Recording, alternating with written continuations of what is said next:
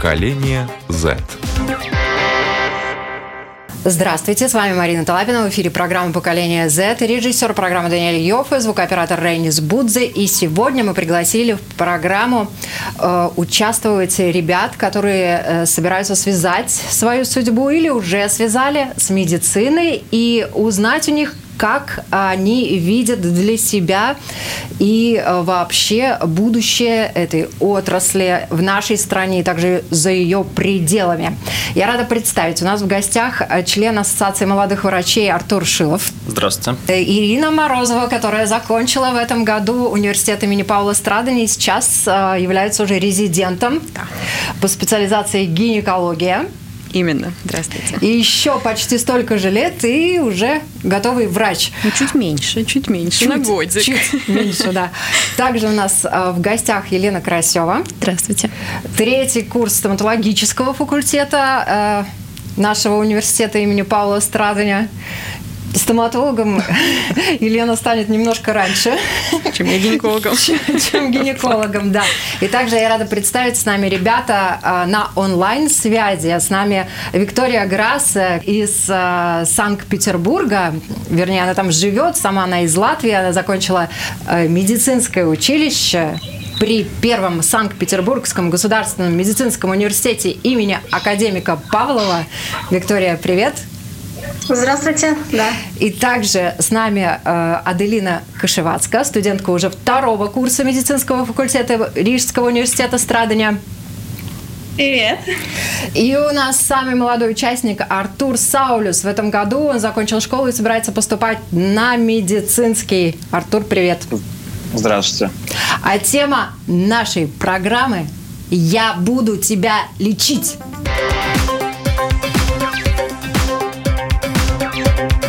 Поколение Z. Ребят, расскажите, пожалуйста, почему вы выбрали медицину? Начнем, наверное, с самого опытного человека, который уже по праву называется врачом. Артур. Э, ну, как э, коллеги здесь сидящие за столом, я тоже еще в резидентуре э, радиологии, то есть мне еще какое-то время нужно учиться. Четыре года еще, чтобы стать специалистом. Мой путь достаточно банальный, то есть здесь ничего такого необычного. Я не тот, кто хотел с детства стать врачом, то есть подходил, подходил 11 класс, я не знал, что делать, родители и дома родственники спрашивали все время, в школе уже начали об этом активнее говорить. И была такая фантастическая возможность «День теней», который мне кажется, очень-очень хороший проект в Латвии. И в 11 классе я сходил, я попал э, туда, куда все идут, кардиохирургам, к нейрохирургам, к анестезиологам. Э, я очень поздно подавал заявку, и мест свободных практически не было, но было свободное место в детской больнице к детскому травматологу. Э, доктору Салминчу, и я к нему попал, сходил, провел весь день э, э, в операционных, он показал мне больницу, мы походили по отделениям, и как-то на этот один день оставил на меня такое впечатление, что, в общем-то, мой выбор был между факультетом химии, или РТУ, или ЛУ, или за границей, или тогда поступать в медицину. И вот этот день оставил такое впечатление, что я решил, что пойду я в медицинский, а там уже посмотрим. Потому что на тот момент мне казалось, что все-таки перспектив а, будет больше, когда я закончу медицинский, нежели чем если, например, в Латвии я бы закончил бы факультет химии. А в семье есть врачи? Ни одного. Тетя, тетя врач семейный, но, в общем-то, так, по, если по родословной, то нет. Сестра, которая на год младше, вместе со мной практически в тот же год закончила стоматологию и уже работает зубным врачом. Ну, мне еще там нужно поучиться, так что сестра чуть меня опередила. Ну, то есть, в принципе, с вас, можно сказать, в вашей семье Начина, начинается... Началось. Да, началось. В общем-то, да. Но эм, э, посоветую ли я своим детям идти в медицинский, это другой вопрос. Об этом чуть позже. Да. Мы встретимся через лет 20-30. И если будут те самые улучшения, за которые вы бьетесь в Ассоциации молодых врачей, возможно, вы скажете, идите в медицину. Продолжайте мою династию. Э, надеюсь, надеюсь. Девочки, да. Я вот сейчас сижу и думаю, что бы такое интересное ответить на вопрос, почему я выбрала медицину. Потому что действительно после 12 класса не было такого, что я знала, что сейчас побегу с документами, я вот хочу, я хочу вот прям поступить стопроцентно. У меня была паника, я не знала, куда мне подавать, но мне хотелось сложный путь. Я знала, что я хочу что-то долгое, интересное, где вот я смогу все свои амбиции реализовать. И как-то самым таким вот подобающим мне показался медицинский. Но, скажем так, первые два года, мне кажется, вот когда я уже поступила и уже училась, я все еще думала, а правильно ли я сделала. У меня было много метаний, у меня были всякие такие походочки в журналистику, например, где тоже мне было интересно, классно, и все это очень здорово, но я понимала, что мне хочется назад, и мне хочется все-таки больше внимания уделять медицине. И тогда я поняла, что, наверное, все-таки это был интуитивный, правильный выбор. Ну и по истечению шести лет я настолько счастлива, что я тогда этот выбор сделала. Мне правда нравится, и нет, это нелегко. И я пока что не знаю, насколько светлые, радостные перспективы. Надеюсь, что правда все будет хорошо, и со временем все-таки какие-то такие изменения в этой сфере будут. Но пока что я этим горю, и мне это очень-очень интересно. И для меня это, наверное, лучшая мотивация, которую я могу найти. Почему гинекология? Гинекология, ну, я начинала с э, интенсивной терапии в реанимации новорожденных в детской больнице, и в тот момент мне все время как-то было интересно, что же вот за ширмочка, что же было до того, так как вот как ребеночек появился, что можно было изменить, как можно было ему помочь, можно было бы ли вообще ему помочь. И когда я пошла волонтировать в гинекологию, причем что в оперативную, что в родильное отделение, я понимала, что меня все это прям потрясает. Вот это как это вот такая вот женщина, она что-то вот такое может сделать, и как это все происходит. Мне казалось это абсолютной фантастикой. И опять-таки для меня лучшая мотивация, когда мне интересно и мне непонятно. Вот мне было непонятно и интересно, пытаюсь разобраться. Ну, это очень интересно. И об этом тоже можно, наверное, очень долго говорить, но будем давать слово другим. Лен, стоматология, зубы. Ну, у меня все началось гораздо раньше. В третьем классе я поняла, что я хочу быть стоматологом. И в детстве, как все девочки, хотели быть вот певица, актриса. У меня этого никогда не было. У меня вообще не было никогда другой цели и другой мечты, и профессии мечты. У меня была игрушка стоматолог. А, я обожала запах стоматологии. А дальше когда я уже училась в старших классах, я понимала, что мне для этого нужно, для поступления. Я понимала, какой сложный конкурс меня подготавливали родители говорили, ну ты понимаешь, как это сложно, ты понимаешь, какой вообще шанс попасть. А если не поступишь, а пойдешь куда-то, не только стоматология. Я просто вот последний, 12 класс, просто только вот мысль об одной стоматологии у меня до мурашек вот по коже. Вот, и когда я поступила, у меня... Я тот день почти не помню, потому что это была дикая эйфория, просто какие-то невероятные эмоции. В общем, вот так вот начался мой путь в стоматологию. День и счастья. день счастья просто очень крутой. И сейчас вот в этом году мне предстоит уже именно вот встреча с пациентами, с настоящими, не с фантомами, вот как было до этого, а вот реальные пациенты. Я вот об этом до сих пор думаю, то, что это уже так скоро, это уже так близко, и то, что первые вот самые сложные два года, они пролетели просто незаметно, и тоже вот я дико счастлива, я ни разу не сомневалась как-то в своем выборе, и до сих пор понимаю, что я правильно поступила. Слушайте, с вами будет очень интересно встретиться через несколько э, э, лет, через некоторое время, когда вы уже так и попрактикуете, и начнете врачевать по полной программе. Ребят, я надеюсь, что с вами тоже будет интересно встретиться. Давайте рассказывайте. Аделина, ну, э, у меня был такой момент, что где-то в 10 классе вывихнул локоть. То есть до этого я вообще никогда не думала, куда я хотела пойти. В 10 классе вывихнула локоть, проходила месяц гипсом, а потом такая вещь, как очереди в Латвии. То есть мне пришлось ждать долго, но мне очень повезло, что у меня сама мама врач, и у нее друзья врачи. И получается, через мою семейную мы нашли физиотерапевта, который мне как бы помогла сразу же после вывиха идти выпрямлять локоть. А к самому реабилитологу, к которому я должна была попасть, ну, месяц вот в этой детской больнице. Я просто понимаю, что за тот месяц от вывиха моего локтя, я бы, вот пока вот люди вот ждут простые, люди, у которых нет родственников, там, врачей или нет знакомых, которые могут как-то им помочь, они вот могут этот локоть, ну, не выпрямить просто. То есть мне повезло, мне сейчас рука может нормально выпрямляться, а у тех людей уже могли быть бы какие-то сложности. И тогда начала задумываться, что мне не нравится, что вот в Латвии вот эти очереди, мне не нравится, что вот какая-то вот чего-то не хватает, и я начала интересоваться медициной, я начала интересоваться, что вот хочу помогать людям. И в одиннадцатом классе я пошла вот что в ИЛУ, что в РСУ на вот курс, э, не курс, а школу молодого медика. То, что я точно не пожалела, то есть это было очень классно. То есть в РСУ я там смотрела все это практически, то есть там на каждый там там офтальмолог можно было посмотреть, там показывают эти операции, плюс что-то практика, там, не знаю, то ли на глазу там какого-то животного делали, там что-то пришивали.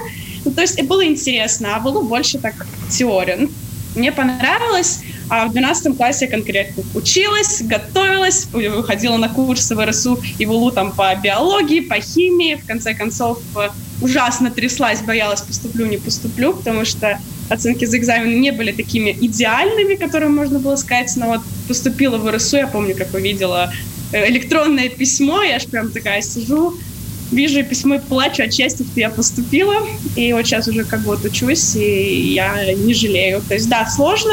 Еще из-за пандемии тоже было сложновато учиться, заставлять себя учить дома, но мне нравится, я продолжаю. Но первый курс позади, это круто на самом деле, да? Еще одна интересная история. Проблемы, собственно говоря, заставили тебя идти и попробовать посвятить себя помощи людям в сфере медицины. Э, Виктория, на твоем лице так красиво играет солнышко, в Питере солнце светит, да? Да. Очень красивая картинка, хочется услышать твою историю. Ну, направление медицины я выбрала еще очень давно, и уже с класса шестого начала читать литературу, которая была мне интересна. Это энциклопедия, это э, мне было интересно, как устроен человек. И всегда была цель помогать людям. Поэтому я подумала, что медицина, наверное, то, где я смогу себя реализовать. Ну вот, но не хотела учиться в Латвии, поэтому закончила вот девятый класс и поступила в Санкт-Петербург, ну вот, и обучалась уже здесь. Ну, интересно, вот почему не хотелось учиться в Латвии? Э, потому что я себя всегда ставила как русская девочка, ну вот, и в момент, когда в Латвии немножко так, я увидела, что начали, скажем так, где-то, может быть, ущемлять права русских, а у меня полностью русская семья, и мне стало это неприятно, и я подумала, что надо возвращаться на родину, то, откуда мы родом, в принципе, из России, что надо обратно ехать сюда и здесь уже строить свою жизнь. Ясно. Спасибо тебе за твою историю. И Артур, почему ты выбрал медицину? На самом деле моя история похожа на историю Артура какими-то моментами. Получается, а, подходил тоже 11 класс, 12 моя сестра как раз закончила обучение на медсестру и поступила в Латвийский университет на врача. И начала мне ну, подталкивать, выбирать направление.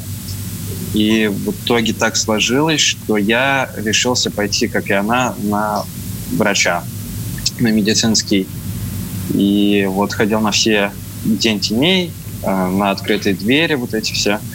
И так подумал, что мне это как-то больше всего ближе, потому что не вижу себя работающим в офисе, проектировщиком там, не знаю, или строителем. Это не мое. Хочется все-таки помогать людям, потому что у меня такая натура, что очень сильно хочется даже знакомым помочь. Да и к тому же так сложилось, что у меня все близкие друзья, родственники как-то связаны с медициной. Например, мама работала в архиве медицинском в детской больнице. Э, сестра вот учится сейчас на врача. Э, две лучшие подруги детства, они как раз-таки закончили сами медицинские. И вот дало тоже о себе знать, что в итоге повлияло на мое решение в итоге. Окружение взяло тебя да, да, да. и сказало, ты тоже будешь медиком. Да, да, как-то вот так вот повлияло на меня. Ну, сейчас я попрошу ребят узнать, э, и тебе, наверное, это тоже будет интересно, а Чему вас там учат? Чему? Какие предметы латынь еще изучаете? Обязательно. Скорее вопрос, чему нас только не, не учат, учат да. потому что там, мне кажется, было все, действительно. Я удивилась уже факту тому, что на первом курсе у нас была философия, мне казалось, как это, зачем мне философия, где я лечить хочу так, да почему мы не начинаем лечить с первого курса? Я помню, что мне казалось, что вот эти первые три года, когда было, ну, два-три, было очень много теории, были, боже мой, основы коммуникации, мне казалось, я и так могу разговаривать, сюда дайте мне медицину, что это такое? И действительно очень много просто какого-то теоретического материала, но потом, когда это все вот так вот складывается, тебе дают постепенно вот про каждую часть тела, про каждый орган, там про глазик, про носик, про легкие, про почки, про все-все-все-все-все. И, конечно, не могу сказать, что я все знаю на 100%, и вряд ли кто-то может сказать такое по окончании университета, но потом просто постепенно все это складывается в одну какую-то картинку, и, наверное, самое классное, когда у тебя есть вот эта вот система всего организма, и ты примерно понимаешь, что вот тыкнешь здесь, а потом у тебя вот тут вот откликнется в другом месте. Так что учат нас там всему, всему человеческому организму, от психологии до физиологии и всего, что только можно. Ну, я могу только добавить, что, в общем-то, для слушателей, скорее всего, и родители будущих студентов слушают, может быть, кто-то из э, будущих студентов, э, школьники слушают. То есть первые два года – это основные науки, э, базовые науки, и в это же время университет пытается нагнать для нас те знания, которые, к сожалению, не дают наши школы. То есть про страдания университет ходит много мифов, тяжело учиться, много не выдерживают, уходят сами, некоторые не сдают экзамены. Да, правда, в последнее время, конечно, конечно же, эти числа тех, кто выпадает или не выдерживает, снижаются. Университет все делает для того, чтобы их было как можно меньше. И то есть, э, но знания все равно, наши, шко, наши школы в Латвии не дают э, той базы, чтобы мы могли сразу вот начать про медицину Стартовать больше говорить. Медицины, да. да. Физика, химия. Да, да то есть физика, химия очень на, ну, я бы сказал, на достаточно слабом уровне, поэтому мы Вы это нагоняем. Физику, химию тоже в университете учите? Да, да, на первом курсе физика и химия, э, анатомия, гистология, то есть все о клетках. Э, в общем-то, главный предмет анатомия. И после второго года тогда к этому всему э, там появляется такой главный предмет на третьем курсе, как патология. Он на самом деле на, в конце второго курса уже. И патология – это мы начинаем по факту факту говорить о том, о чем мы говорили первые два года, только дополнительно уже с патологической точки зрения. То есть мы выучили всю норму о человеке, и теперь мы говорим о том, что может быть не в норме. И там вот, э, мне кажется, для всех патология, я думаю, многие, кто, кто учится, согласятся, что это вот самый такой предмет, где э, студенты наконец-то начинают видеть, какой разнообразен мир того, что с человеком может быть не в порядке. Э, и это, скорее всего, тот период, когда многие студенты проходят через момент, когда они много чего узнают, что может быть не в порядке с ними самими. И в, на третьем курсе начинается уже контакт с пациентом, и как бы до конца шестого года это уже такой частичный процесс. Теория плюс практика с пациентом, где большая часть занятий уже проходит э, в больницах, а не в классах в университете самом. Ну, очень хочется узнать, какие у вас любимые предметы и какие, назовем их, сложными. Ну, мой любимый предмет э, вот как раз была патология. Э, а потом я, наверное, был из тех, как и в школе, мне нравилось э, все. То есть вот э, так, что я мог в любой предмет начинался. То есть у нас были так называемые циклы. Это значит, там месяц мы учим вот только хирургию или там две недели радиология или гинекология два месяца. И везде практически было интересно. То есть, ну, тяжело так сказать. Э, в свое время мне нравилась хирургия, радиология очень нравилась, но я еще год учился за границей, поэтому там э, был по обмену в Австрии, то есть там был, была еще другая совсем перспектива. Там я работал больше практически. Там это отдельный, наверное, вопрос, отдельный рассказ э, про то, как за границей это все проходит. Ну, аналогичная ситуация тоже была за границей. Тоже могу сравнить, что в Латвии на самом деле больше теоретическая база, чем я была в Чехии в моем случае. Там тоже больше была практика, что тоже было круто, классно. Но нелюбимый предмет, я могу сказать точно, что это была патология. Мне, мне не нравилось, мне было сложно, мне было много. Но зато, когда ты выучиваешь, а еще когда ты получаешь хорошую оценку, тогда счастья нет предела. А любимый, ну, не знаю, правда, мне тоже было интересно, наверное, все как-то настолько это всему уделялось внимание, это было в деталях, это было, как правило, очень интересно и приятно также рассказано. Не могу выделить. Ну, гинекологию скажу, что гинекология, конечно, мне очень нравилась. Эмбриология, гинекология. Вот у меня патология тоже был один из любимых предметов. Большинство моих любимых предметов началось на втором курсе, потому что у нас уже, как у стоматологов, началась практика. То есть мы практически по три часа уже там на фантомах там сверлили, все вот это делали. Очень нравилась радиология, мне нравилась именно вот стоматологическая. А, то есть смотреть, что так или иначе связано с практикой. Анатомия, сначала я с ней ну, выставила не самые дружеские отношения, потом она уже, уже ближе к концу мне начала нравиться сложно было. Гистология была очень сложным предметом и эмбриология. Да. Биохимия, медицинская химия, физика. Я думала, все, в школа, все, там это все остается.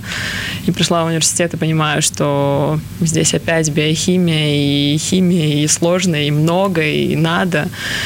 Да, было нелегко, но Ну, ты- интересно. ну, ты выдержала, да? И Да. все, и ты ждешь пациентов. Жду пациентов. Виктория, у тебя любимые предметы какие? Ну, я бы не сказала, что есть какие-то любимые предметы. Хорошо, что тогда, что Да. Все самое такое интересное, да, происходило, что это практика. В российских университетах и училище тоже очень много практики. И по факту ты приходишь на практику, и тебе там по ходу действий уже много чего рассказывают и объясняют. И это было, наверное, самое интересное. А если говорить о нелюбимом, неинтересном, это всякие предметы вроде истории медицины и прочего. Ну, потому что это было просто скучно. Ну вот. А так нельзя ничего выделять, все было, в принципе, важно и интересно. Ребят, Аделина. Ну, что я могу сказать? Мне только первый год прошел, но... Да, да, вот первый год. Что Ну, тебе было интереснее, химия или физика? Я Шучу. скажу честно, физика у нас в универе мне не понравилась, потому что там она была э, в какие-то моменты была очень сложная, и то, что вот мне в школе давали, мне этого, мне этого не хватило, то есть вот этих всех знаний, которые в школе были даны. Но повезло, что у меня был одногруппник, который до этого учился на физическом факультете, он просто нам помогал как-то учиться, то есть, типа, ребят, вот вам помощь как-то учиться, и плюс ну, нам немножко повезло, что из-за пандемии у нас не было экзамена по физике, так что... нам Пронесло. Нам Да. повезло. Второкурсникам еще больше повезло, у них еще меньше было экзаменов. Вот. Ну а так мне нравилось, мне на удивление нравилась история медицины, потому что мы ходили каждый раз в музей медицины, нам что-то интересное рассказывали, мы ходили по всем этим... э, вот мне кажется, этот музей мы весь исходили, каждый уголочек посмотрели. Вот, плюс там по Риге старые тоже гуляли, э, ну, учились. Э, Также мне понравилась анатомия, но достаточно сложно было. То есть просто было непривычно. Некоторые моменты были такие, что приходишь, особенно вот первый семестр у нас была молекулярная биология. Для меня это был тот предмет самый непонятный. То есть, то приходишь первый, первый курс, ты приходишь, первый семестр, и тебе дают такое большое количество непонятной тебе информации, плюс ты должен все выучить, как-то понять. Учебников нет, информация только в интернете, все на английском языке. И ты просто в таком шоке находишься. И приходилось учиться, ну, приходится до сих пор учиться. И, ну, мне еще нравится гистология, потому что мы там рисуем эти все э, протоколы. Но мне вот это нравится, потому что я люблю визуализировать, вот эти все протокольчики рисовать. Мне прям какой-то кайф даже. А, Я еле-еле выдержал этот период, когда нужно было что-то рисовать. Так, Согласна. Вот у каждого свое, да? Определенно. А мне интересно, что наш младший Артур э, ждет э, в предвкушении какого предмета ты находишься, что тебе хочется больше всего изучать в медицине. На самом деле нет такого, скажем так, чего я больше всего жду. А окунешься, Есть то, наверное, чего тогда больше- поймешь. Да, да, да. Есть, наверное, то, чего больше всего опасаюсь, потому что у меня сестра заканчивала медицинский, и вот я помню, как она днями и ночами сидела вот над гистологией, вот это все вырисовывала, записывала, и вот у меня тоже как-то передался небольшой страх от нее, и вот этого я, наверное, больше всего не хочу. А, скорее всего, наверное, ну, если так посмотреть, то больше всего ожидаю химию, потому что вот у меня в школе была хорошая химия довольно-таки, учитель хороший попался, то есть она была довольно строгой, но ругала по делу, так сказать, и вот натаскала меня довольно хорошо по химии. В принципе, вот, и биологию просто хочется как-нибудь более углубленно изучать. А То, что касается латыни, я сказала, вы сказали, что да-да, учили, помните. А есть какие-то любимые выражения на латыни? Или, или что запомнили, что вот в другую жизнь перенесли? Коллега только что закончила.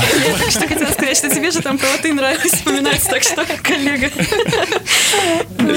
Тяжело сейчас сказать какую-нибудь фразу. Это уже э, используем мы очень много латыни в диагнозах, как бы в больнице. Ну, конечно, да. А так, чтобы... У нас были, когда вот процесс весь проходил, тогда были фразы, которые, которые мы еще бросались каждый день э, на друг друга. Но так, чтобы сейчас не припомню. Ну, вот там даже зачет был, я помню, по определенным фразеологизмам Да. на латыни. Мгм. Но помню, что зачет был, а вот какие фразы учила на зачет, к сожалению, уже не помню. Но все равно интересно, что вы ее учите, и, ну, как это, и юристы учат, э, и, и медики. Да, я не знаю, на сегодняшний день юристы еще учат или нет, но медики точно учат. То, что касается университета Страдани, конечно, надо дать должное. Э, Наш университет котируется, да, Определенно. и большое количество иностранцев. Как много среди ваших э, коллег, студентов, иностранцев? Сейчас уже большой Ну, процент. я училась в иностранной группе, в принципе. У нас была так называемая интернациональная группа, где были и иностранцы, и латышский поток вместе. Ну, 50 на 50, и это только микс группа. Берем еще отдельно поток, где учатся только иностранные студенты. То есть, скажем так, популярен. Наш университет действительно популярен. И вы учились на английском языке Да, уже, да? Да. Это нововведение нашего университета, на самом деле, в Европе оцененное очень высоко, в том плане, что очень с самых первых времен, как начали принимать иностранцев, все учились на двух разных потоках, где мы встречались, э, стоя в очереди за едой, стоя в очереди в гардеробе, э, ну и стоя Вечеринки, перед... вечеринки Это- университетские. Конечно. И перед кабинетом, когда ожидая занятия, когда одна группа выходит, другая заходит. И э, не скажу точно, года, наверное, 4 назад, 5 было введено э, вот такой, такой проект. Вначале он был как пилотный проект, что иностранцы учатся вместе с э, латышским потоком. Но это вот нужно спрашивать у тех, кто закончил. Во всяком случае, от тех моих знакомых и иностранцев, и латышей, кто учился в таких группах, они очень э, довольны. Все-таки большинство завело друзей здесь на месте. Ну да, это уже контакты международного уровня. Когда говорят проблемы в сфере медицины, у Аделины очень интересная история. Она ее, эту проблему ее прям туда в медицину ты и, и привела. Да? Э, Какие у вас вообще возникают ассоциации, проблемы? Ну, я могу начать с конкретного примера, который для меня был настолько каким-то сюрреалистичным. Как бы берем человека X. Человек X э, волонтировал, работал, был готов э, поступать здесь, но по какой-то причине, к сожалению, место, в его случае это сосудистая хирургия, Латвия в этом году не предоставляет. То есть человек хочет идти именно в эту сферу, а ему говорят, слушай, ну выбери что-нибудь другое, ну иди там, ну на хирургию пойди, ну, на, на- ну что-нибудь другое возьми. А у человека есть цель, и ему хочется именно туда. Почему вот на всю страну невозможно найти вот этого одного хотя бы местечка для человека, который действительно бы хотел? Кто в этом виноват? Что с этим делать? У кого спрашивать про это место? Вот, наверное, для меня вот это было таким большим шоком, то, что хочется, а не может. Ну да, и в то же время специалистов не хватает. Ну, наверное, если, если мест не дают, может быть, хватает. Нам сложно сказать. Здесь место для большой дискуссии в очередной раз, может быть. Э, Это стандартный, на самом деле, рассказ про нашу страну. Э, Объясню с разных аспектов. Э, У нас достаточно маленькая страна, то есть официально там 2 миллиона, реально уже все знают, последние цифры, мне кажется, 1,8 миллиона были.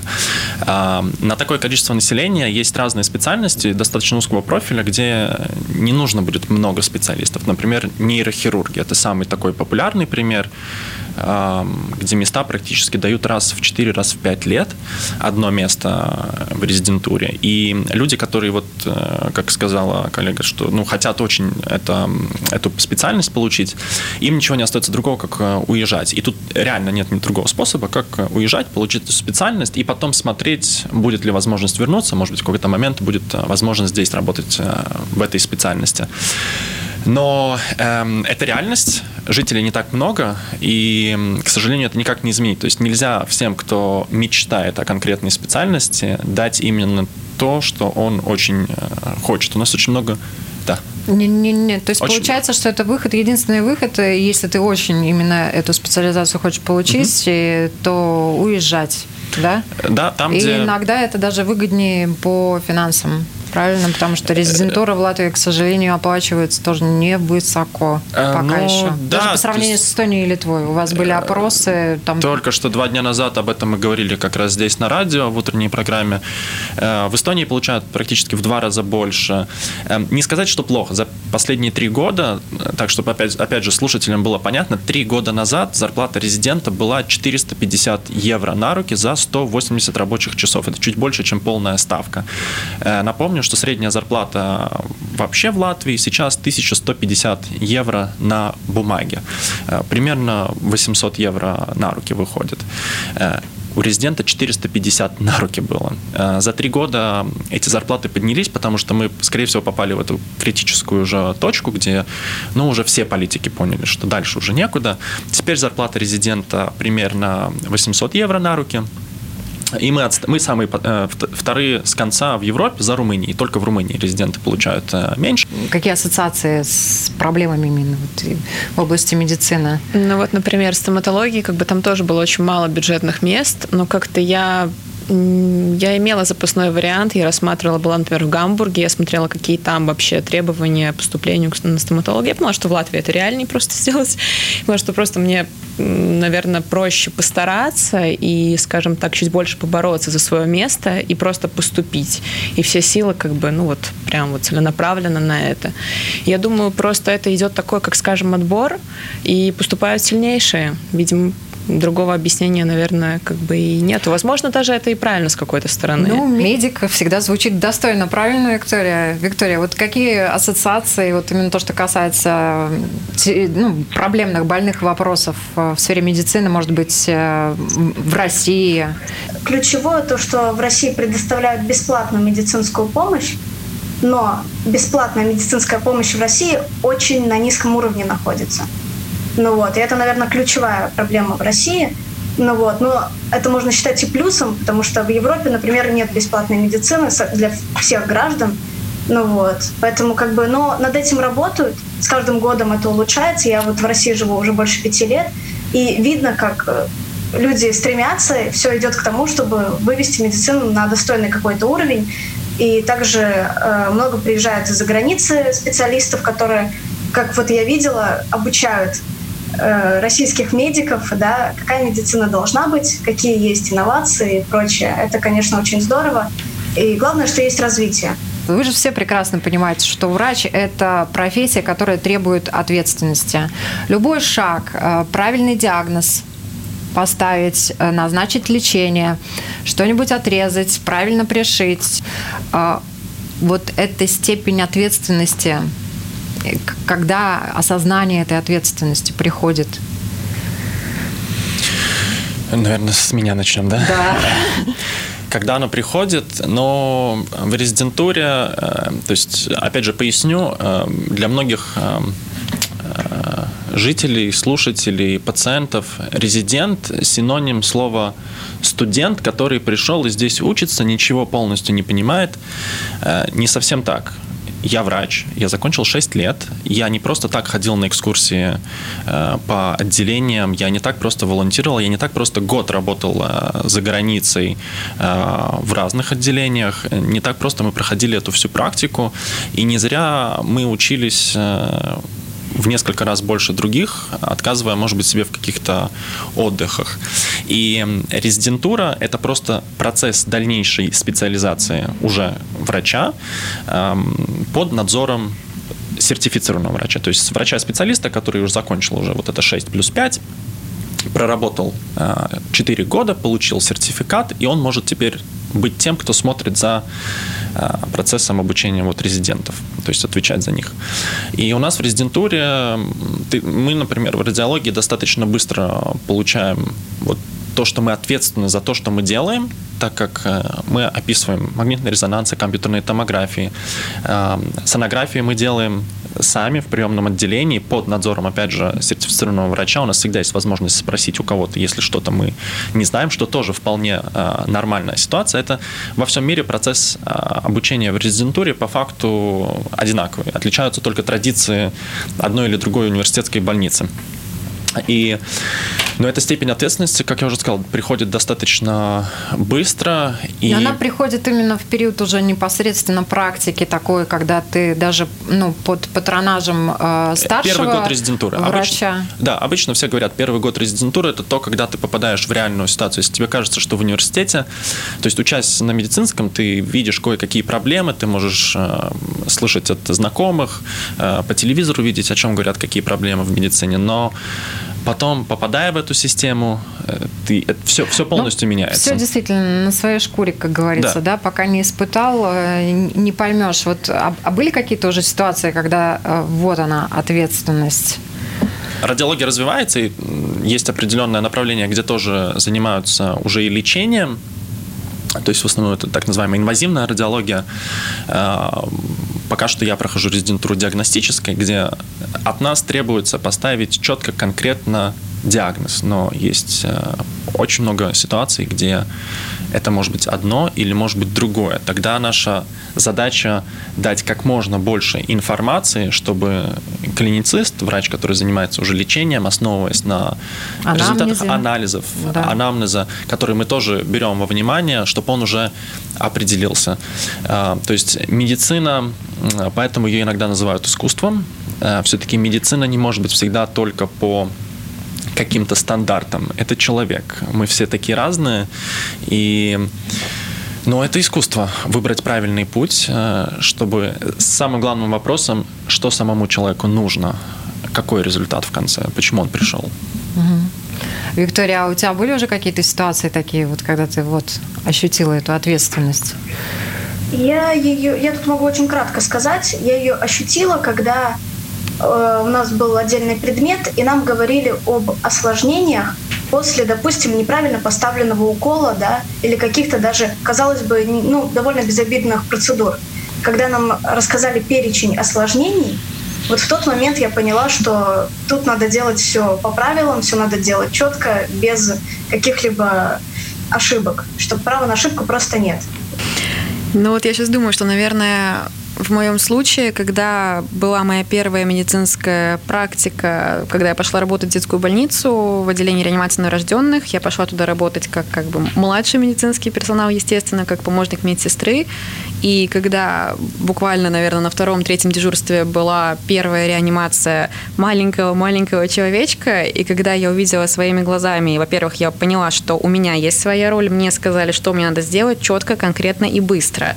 И тогда я понимаю, что да, может быть, я там просто что-то правильное принесу, то, что в принципе имеет огромное значение, потому что в этот момент время – это это фантастически важно. И, наверное, тогда, сравнив то, что я делаю, то, что делает медсестра, то, что делает сертифицированный специалист, врач, вот эту вот командную работу, наверное, тогда и приходит, вот у меня лично пришло то осознание, что ответственность, ну, жирными такими буквами огромными написана поперек всей карьеры врача. Наверное, в моем случае это было вот тогда на третьем курсе во время первой работы. Ну, у меня чувство ответственности появилось, наверное, тогда, когда начались предметы более связанные уже вот конкретно со стоматологией. Если, скажем, в школе мы могли что-то выучить, написать, забыть, то сейчас ты понимаешь, что, что эти знания должны у тебя остаться. И ты должен вот разобраться в этом, ты должен четко понять, что и как работает, какие-то специализации, то, что ты учишься сейчас конкретно для себя, для своей специальности, и в дальнейшем ты ответственен за то, что ты делаешь. Вот. И когда практика началась так же, ты сверлишь, ты понимаешь, что же должен понять, разобраться, свои ошибки четко разобрать и понимать.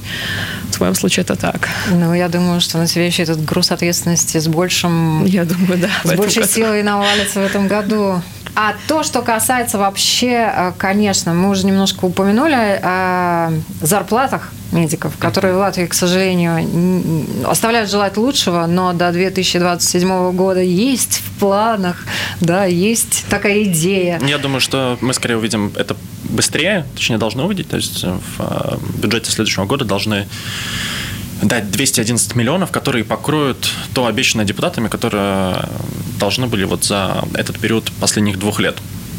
Э, если это случится, то тогда, я бы сказал, бы у нас есть э, э, причина надеяться на то, что в течение там, последующих 5-7 лет, добавив то, что, о чем министр здравоохранения говорит, и то, о чем большинство, скорее всего, слышало по телевизору в новостях, угу. о новой реформе Э, зарплат, э, тогда мы можем надеяться на какой-то на какой-то хороший результат уже в 2027. Ну да, Министерство здравоохранения представило инициативу, которая предполагает существенное повышение зарплат в отрасли у врачей. Она должна к 2027 году, как раз к тому моменту, когда вы, собственно говоря, уже почти начнете исполнять э, роли врачей, да, она должна составить аж 3833 евро на бумаге. Да, кому-то это из слушателей а определенно может показаться фантастическими цифрами, и Да. каждый сейчас скажет, а, подождите, а где моя нормальная зарплата?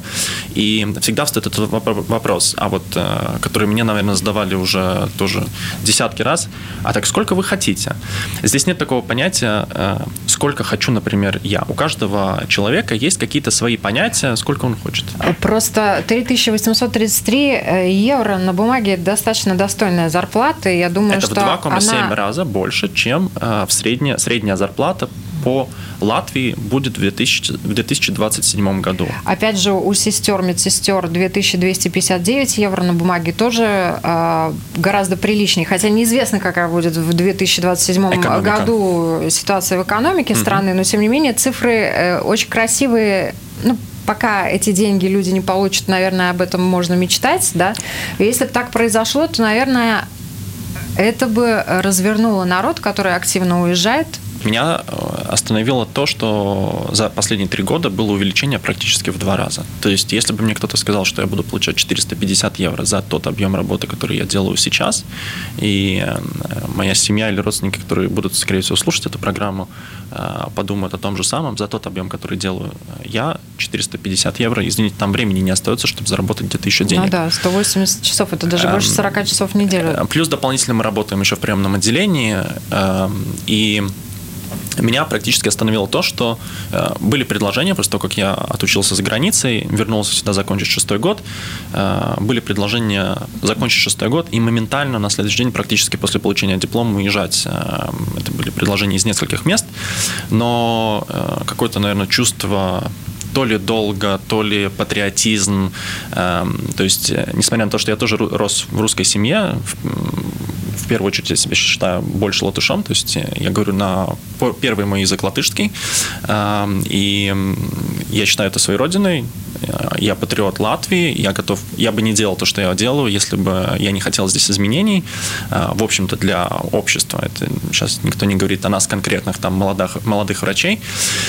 И Эм, Да, если вот план этот, о котором вы упомянули, сбудется, и до дв- 2027 постепенно все-таки будут давать э, финансы, вливать в систему, но уже на основе какой-то конкретной модели. Я бы сказал, бы, там главное не то, что деньги будут вливать, а то, на какой основе, какое основание того, почему деньги должны быть. Тогда это определенно поток этот станет намного меньше. И, возможно, кто-то вернется. Мгм. Ирина, тебя. Резидентура в Латвии, хотя были варианты не только в Латвии, да, и Если честно, я даже сейчас еще немножко сомневаюсь, несмотря на то, что у меня есть место, я еще не подписывала договор. Договор подписывается в конце августа.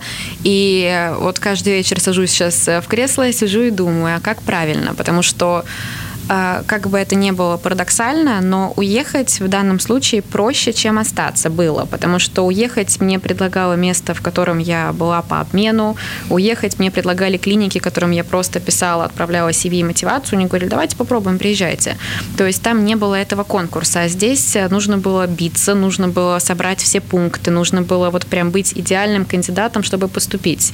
И когда вот тебе вот кажется, что а как это так, почему меня дома хотят меньше, чем за границей, сразу немножко обидно. Как-то вот вопросы есть на эту тему, но с другой стороны, у меня тоже присутствует большая доля патриотизма, и я люблю свою страну, какой бы она ни была. Я очень верю в то, что эти изменения, действительно произойдут. И Наверное, пока что я склоняюсь к тому, чтобы остаться. Но финальное решение еще у меня впереди. Вот в конце августа я буду думать, что с этим всем делать. я знаю, что Виктория точно знает, что она будет э, работать в России, да? Да, определенно. Я буду работать в России, я буду находиться в России, и в Латвию я нет, не собираюсь ни в коем случае. А в другую Если страну? Разве не сложится какая-то ситуация, условно, там страшная, да? Потому что по-прежнему там живет моя семья, да, моя мама, мои братья, мои сестры. Ну вот, поэтому если как бы не будет необходимости, я сто процентов останусь в России, и у меня нет желания возвращаться обратно. А буквально пару слов. Сколько зарабатывают сейчас медсестры в России? Это достойные зарплаты? Э, Достойные зарплаты для, наверное, среднепрофессионального образования в России. Нормальные зарплаты, да.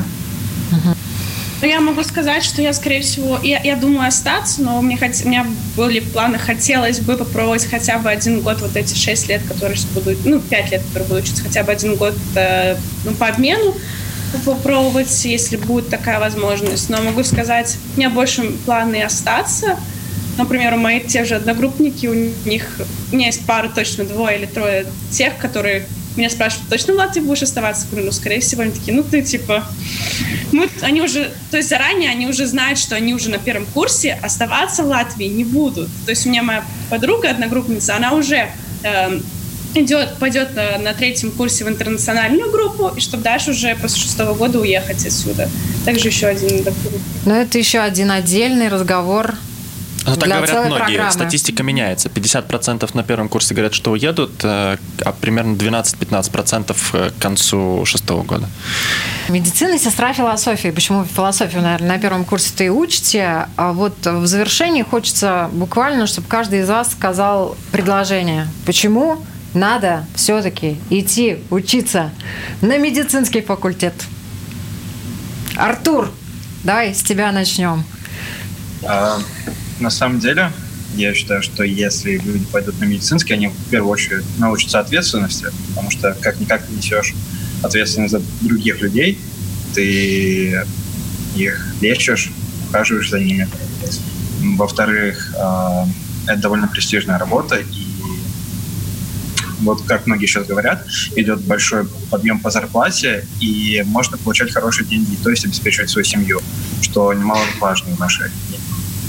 Ну и в-третьих, э, я считаю, что намного интереснее вот так вот помогать людям и познавать что-то новое, чем сидеть в том, в том, в том же самом офисе, заполнять какие-то бланки. Буквально предложение. Виктория. Я считаю, что медицина просто помогает бережнее относиться к себе, к своему здоровью, к окружающим, и также возможность оказывать первую медицинскую помощь э, прохожим на улице, еще что-то. Это помогает нам сохранить жизнь. Именно поэтому медицина, да, это то, что стоит выбрать. Аделина? Стабильная профессия в любое время, хоть, не знаю, пандемия, даже война, врач всегда будет востребованной профессией, всегда будет место работы, всегда можно будет хоть за какую-то минимальную плату работать, но также это ответственность также это интересная профессия. Так что я считаю, что те, кто готов практически всегда работать, могут, могут идти. Любовь к медицине. Потому что самое главное, чтобы у тебя была любовь к медицине, и врач это в первую очередь от сердца идет. И если тебе нравится медицина, то определенно стоит идти в медицину. Но я скажу так, что всем идти в медицину не надо, совершенно. Но если вот такое вот хорошее латышское слово «сайста», если вот тебя такими ниточками прям обвязывает все это, тебе интересно, тебе хочется еще больше, ну, тогда иди. Точно, не прогадаешь. Самое прикладное образование. Э, не каждый, кто закончил что-то другое, станет, может стать врачом или работать врачом. Врач может работать практически в любой профессии. Спасибо вам огромное за эту беседу. Уважаемые радиослушатели, и я надеюсь, вы получили пользу от нашего разговора, и он был очень интересным для меня, я думаю, для вас. Всем хорошего дня!